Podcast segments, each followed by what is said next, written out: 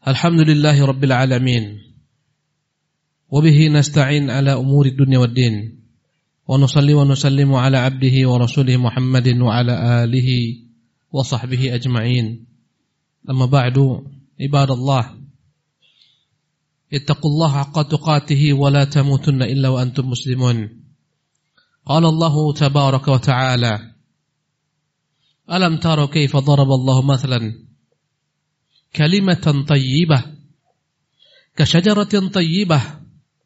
أصلها ثابت وفرعها في السماء. تؤتي أكلها كل حين بإذن ربها. ويضرب الله الأمثال للناس لعلهم يتذكرون. صدق الله العظيم. وصدق رسوله الكريم. ونحن على ذلك من الشاهدين. معاشر المسلمين sidang Jumat yang dimuliakan Allah Subhanahu wa taala. Dakwah yang berkah, dakwah yang hak bagaikan pohon yang begitu kuat menghujam ke bumi, mengakar kokoh akarnya menghujam ke bumi, membuat batangnya besar tumbuh ke langit menjulang. Pohon tersebut berbuah dan senantiasa berbuah. Dinikmati oleh manusia buahnya. Dan itulah berkah daripada dakwah yang hak. Allah subhanahu wa ta'ala berikan kepada kita contoh tentang kalimat yang hak. Kalimat tauhid yang menjadi basis dakwah para nabi dan rasul. Bagaikan Bagikan pohon kayu yang begitu kuat mengakar ke bumi dan batangnya menghujam ke langit. Allah berfirman dalam surat Ibrahim pada ayat yang ke-24. Tidakkah engkau melihat wahai Muhammad alam tara? Tidakkah engkau melihat wahai Muhammad kaifa daraballah? Bagaimana Allah berikan perumpamaan percontohan Masalan kalimatan tayyibah. Perumpamaan kalimat yang baik. Yaitu kalimat tauhid. Kasyajaratin tayyibah. Bagikan pohon yang begitu kuat yang baik. Pohon kurma. Asluha thabitun. Akarnya menghujam ke bawah kuat. Wa far'uha fis sama. Dan cabang-cabangnya menjulang tinggi. Ke segala penjuru. Ke langit. Tu'ti ukulaha kullahin bi'idhin rabbiyah setiap saat pohon ini memberikan keberkahan berupa buah, buah yang diantarkan dengan izin Tuhannya. Wa yadribullahu al-amthala lin-nas. Dan begitulah Allah berikan perumpamaan contoh bagi manusia la'allahum yatadhakkarun. Semoga mereka mau mengingat. Masyaallah muslimin rahimakumullah. Dan kita melihat bagaimana dakwah yang penuh berkah ini mendatangkan buahnya ke seluruh penjuru dunia. Allahu Akbar. Subhanallah. Di mana pun anda melihat dakwah sunnah berkibar benderanya. Tegak. Menjulang ke langit. Allahu Akbar. Dan semakin banyak tantangan-tantangan dalam dakwah ini semakin menghujam pula dakwah ini ke bumi. Bagikan akar pohon yang menghujam ke bumi. Membuat semakin besar sang pohon menjulang ke langit. Semakin kokoh ranting-ranting dan daunnya. Semakin banyak buah-buahnya dinikmati manusia. Allahu Akbar. Masyaallah muslimin rahimakumullah. Dan di antara bentuk keberkahan dakwah tersebut. Karena pohon semakin tinggi menyulang ke langit. Semakin kuat pula angin yang akan menerpa sang pohon itu. Subhanallah. Demikian juga dengan dakwah yang penuh keberkahan ini. Semakin dahsyat tersebarnya dakwah ini semakin dahsyat pula angin fitnah, badai fitnah, ujian cobaan yang menghadang dakwah ini. Subhanallah. Dan semua badai-badai fitnah tersebut, ujian-ujian tersebut akan dilewati oleh kaum muslimin. Sebagaimana tidak akan pernah pohon yang kokoh ya tumbang dengan angin, demikian juga dakwah yang penuh berkah ini. Masyaallah muslimin rahimakumullah. Kalaulah dakwah yang penuh keberkahan ini mendapatkan penolakan dari sebagian tempat di negeri-negeri kaum muslimin, sungguh hal itu telah dilewati oleh para rasul, para sahabat ridwanullah alaihi majma'in. Bahkan Rasulullah sallallahu alaihi wasallam terusir dari negerinya. Allahu akbar. Bahkan para sahabat harus hijrah meninggalkan negerinya, membawa agama mereka. Subhanallah. Kalaulah berbagai macam celaan tuduhan dituduhkan kepada dakwah yang penuh berkah ini, hal itu telah dilewati oleh generasi terbaik daripada umat ini, bahkan manusia terbaik di bawah kolong jagat raya ini. Dialah Rasulullah sallallahu alaihi wasallam. Allahu akbar. Berkumpullah orang-orang Quraisy Berkatalah Walid bin Mughirah, apa yang kita katakan tentang Muhammad? Sebentar lagi akan datang musim haji. Sebentar lagi orang akan datang ramai ke negeri ini. Dan begitu terpesonanya mereka mendengar dakwahnya Muhammad. Yang begitu indah. Bahasanya begitu menawan. Karena Rasulullah SAW bacakan kepada mereka Quran. Kalamullah tabaraka ta'ala. Allahu Akbar. Yang membuat telinga mereka saja orang-orang kafir Quraisy merinding mendengarnya. Rindu mendengarnya. Allahu Akbar. Berkata mereka, bagaimana kalau kita katakan Muhammad itu seorang tukang sihir? Berkata Walid bin Mughirah, wallahi tak akan mungkin kita katakan dia tukang sihir. Dan orang menolak ketika dia dikatakan tukang sihir. Wa ma huwa bisihrin. Apa yang dia ucapkan bukan sihir. Kita tahu berbagai macam jampi-jampi kita tahu berbagai macam tangkal-tangkal. Kita tahu praktek-praktek sihir. Maka itu bukanlah sihir. Berkata sebagian mereka. Kalau begitu kita katakan dia. Muhammad, seorang penyair. Berkata Al-Walid bin Mughirah. Wallahi, apa yang dia katakan bukanlah syair. Kita tahu segala macam jenis syair. Yang panjang, yang pendek, nazamnya, nasarnya, ini bukanlah syair. Subhanallah. Berkata sebagian mereka, kita katakan dia gila. Berkata Nuker, wallahi mustahil dia dikatakan gila. Ma bihi min junun. Dia tidak pernah mungkin dikatakan seorang gila. Alangkah indah, alangkah lembut dan halus budi bahasanya. Alangkah dalam makna perkataannya. Mereka pun berselisih satu sama lain. Ada yang mengatakan syair, ada yang mengatakan kahin, dukun. Ada yang mengatakan sahir, tukang sihir.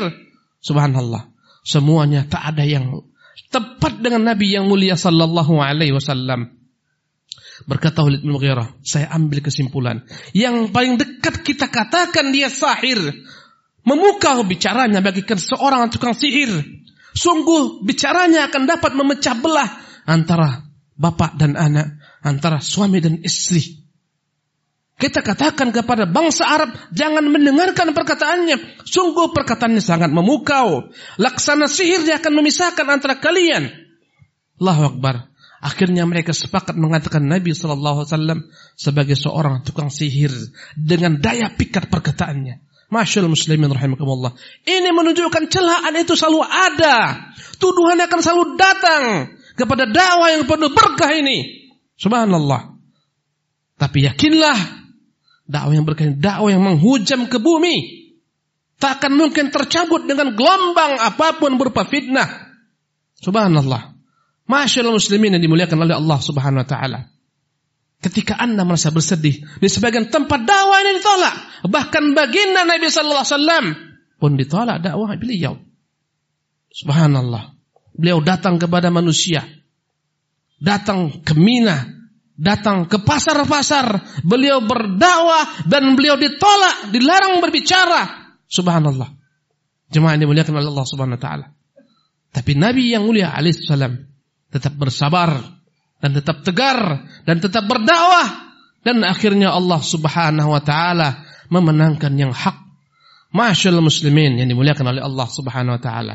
Dakwah yang batil Dakwah yang menyeru manusia kepada selain jalan Allah Jalla wa'ala.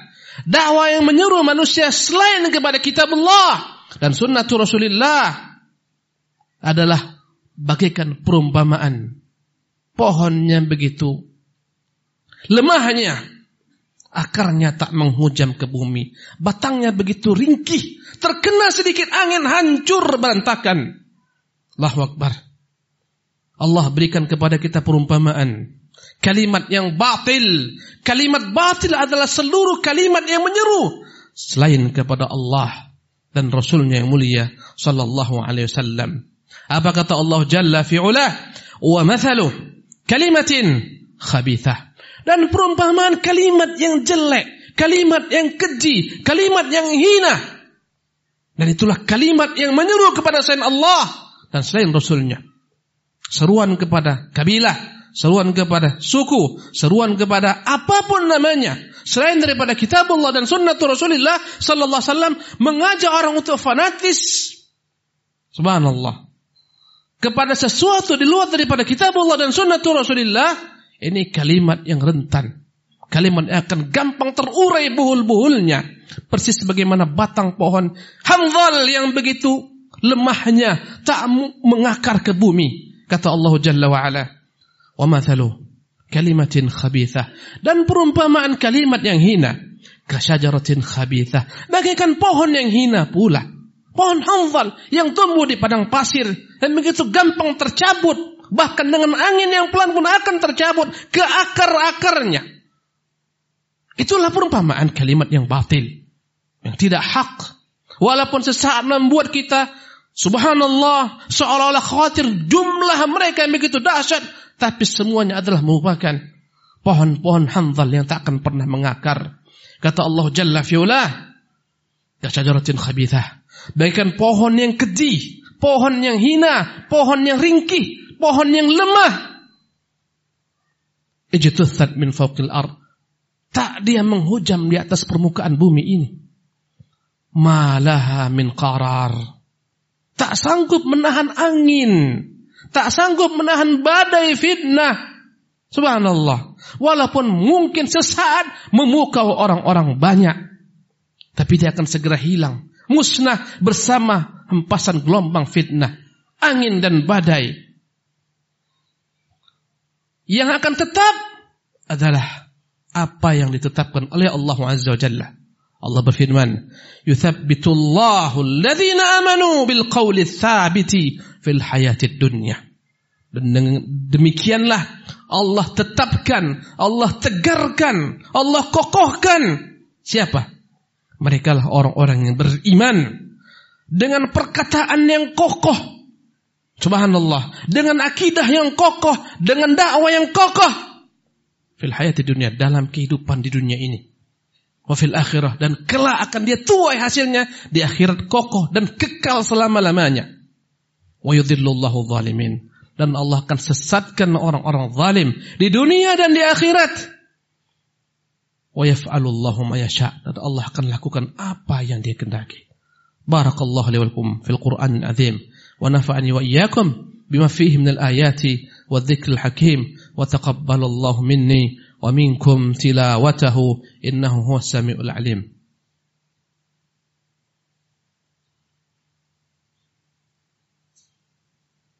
Alhamdulillahi wa kafa wa salamun ala ibadihi alladhina astafa. Asyhadu an la ilaha illallah wahdah wa asyhadu anna Muhammadan abduhu wa rasuluh. Ma'asyiral muslimin rahimakumullah. Jalan dakwah adalah bukan jalan yang terhampar padanya berbagai macam aroma bunga dan wangian. Tidak. Itu tidak benar. Jalan dakwah adalah jalan yang mendaki. Jalan dakwah adalah jalan yang dipenuhi oleh onak dan duri. Itulah jalan dakwah yang hak.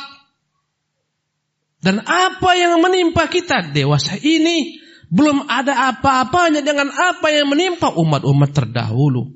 Bahkan yang menimpa Nabi Sallallahu Alaihi Wasallam. Siapakah di antara kita yang pernah sholat kemudian diletakkan di atas punggungnya kotoran? Tidak ada. Rasulullah salat. Maka berkumpullah tokoh-tokoh Quraisy. Di sana ada Abu Jahal, Uqbah bin Mu'aid dan lain-lainnya. Ketika Nabi sedang sujud, subhanallah.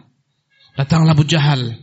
Dia bawa isi perut daripada anak unta yang telah mati, kotorannya dan seterusnya.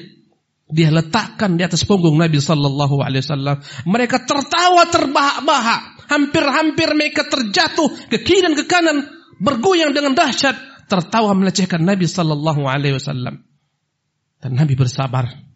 Lama Rasulullah SAW sujud, datanglah putri belia Fatimah radhiyallahu tabaraka anha Kemudian Fatimah menyingkirkan segala macam sampah serapah tersebut dari punggung Nabi sallallahu alaihi wasallam. Nabi mengangkat kepalanya. Nabi bersabda, "Allahumma 'alaika bi Abi Jahal ya Allah. Berikan balasanmu kepada Abu Jahal.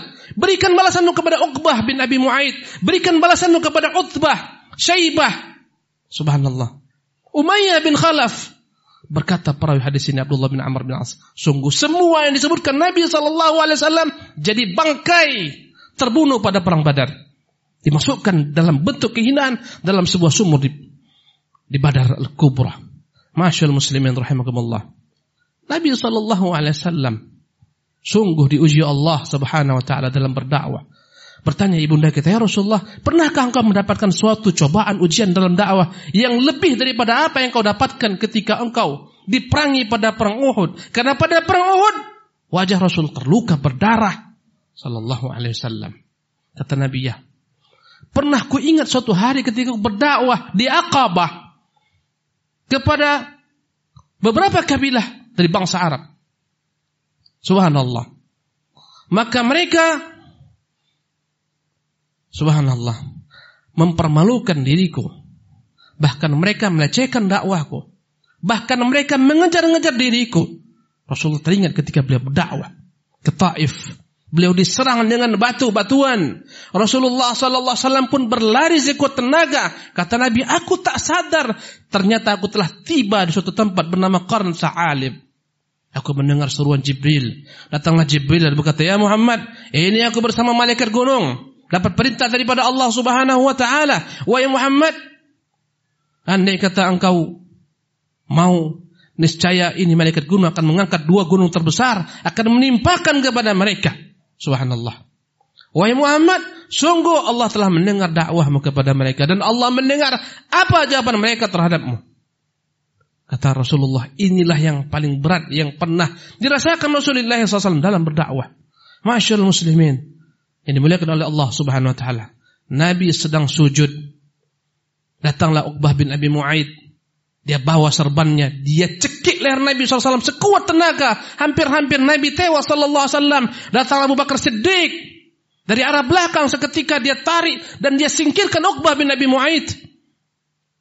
Sambil menangis berkata Bakar Siddiq. Ataqtuluna rajulan an yakula Rabbi Allah. Bagaimana akan bunuh seseorang hanya gara-gara mengatakan Tuhan mereka Allah Subhanahu wa taala. Ikhwatil kiram. Sunnah dalam dakwah ini pasti berjalan. Dakwah ini telah mengantarkan sebagian daripada para dai, subhanallah, sebagai syuhada, sebagai orang-orang yang syahid, mengantarkan sebagian dai kepada penjara-penjara, sebagaimana dipenjarakan Yusuf, dipenjarakan Syekhul Islam, dipenjarakan Ibnu Taimiyah dan muridnya Ibnu Qayyim. Subhanallah. Dan dakwah ini akan mengiring sebagian orang kepada tertumpahnya darah-darah mereka. Sebagaimana tertumpahnya darah para syuhada. Sebagaimana tertumpahnya darah Zakaria, darah Yahya. Dakwah yang berhakah ini akan mendatang berbagai macam ujian dan cobaan. Membuat seorang terusir dari negerinya, dari kampung halamannya, diboykot. Sunnatullah. Dan sunnah tidak akan pernah berubah-ubah. Tetapi wala aqibatul muttaqin. Kemenangan akan senantiasa berpihak kepada orang-orang yang bertakwa. Agama ini milik Allah, dia akan jaga. Allah Maha Kuasa membinasakan musuh-musuhnya dalam tempo yang begitu sebentar. Tapi Allah ingin melihat subhanallah bagaimana kesabaran para duat, penyeru yang menyuruh manusia kepada jalan Allah Subhanahu wa taala walaupun berbagai macam tuduhan diarahkan kepada mereka. Masyal muslimin rahimakumullah. Bergembiralah bahwasanya agama ini adalah milik Allah Subhanahu wa taala. Dia akan tampakkan, akan menangkan di atas semua agama. Huwallazi arsala rasulahu bil huda wa dinil haqq liyudhhirahu 'ala dini. Dialah yang telah mengutus rasulnya membawa petunjuk agama yang hak agar Allah tampakkan menangkan agama ini di atas semua agama. Wassallu ala nabiyikum فإن الله ملائكته يصلون على النبي. يا أيها الذين آمنوا صلوا عليه وسلموا تسليما. اللهم صل وسلم وبارك وأنعم على عبدك ورسولك محمد وعلى آل محمد كما صليت وسلمت وباركت على إبراهيم وعلى آل إبراهيم. في العالمين إنك حميد مجيد. وارض اللهم عن الخلفاء الراشدين المهديين أبي بكر وعمر وعثمان وعلي وعن بقية الصحابة والتابعين وتابع التابعين ومن تبعهم بإحسان إلى يوم الدين. اللهم اغفر للمسلمين والمسلمات والمؤمنين والمؤمنات الأحياء منهم والأموات برحمتك يا أرحم الراحمين. ربنا لا تزغ قلوبنا بعد إذ هديتنا وهب لنا من لدنك رحمة إنك أنت الوهاب. اللهم أرنا الحق حقا وارزقنا اتباعه وأرنا الباطل باطلا وارزقنا اجتنابه. اللهم اجعلنا هداة المهتدين اللهم اجعل هدى اللهم اجعلنا هداة المهتدين ربنا آمنا في أوطاننا وسائر بلدان المسلمين. اللهم أصلح بلادنا وسائر بلدان المسلمين وأصلح أئمة أمورنا وأصلح أئمة المسلمين. عباد الله إن الله يأمر بالعدل والإحسان وإيتاء ذي القربى وينهى عن الفحشاء والمنكر والبغي يعظكم لعلكم تذكرون. فاذكروا الله العظيم يذكركم واشكروه على نعمه يزدكم ولذكر الله أكبر والله يعلم ما تصنعون. أقيموا الصلاة.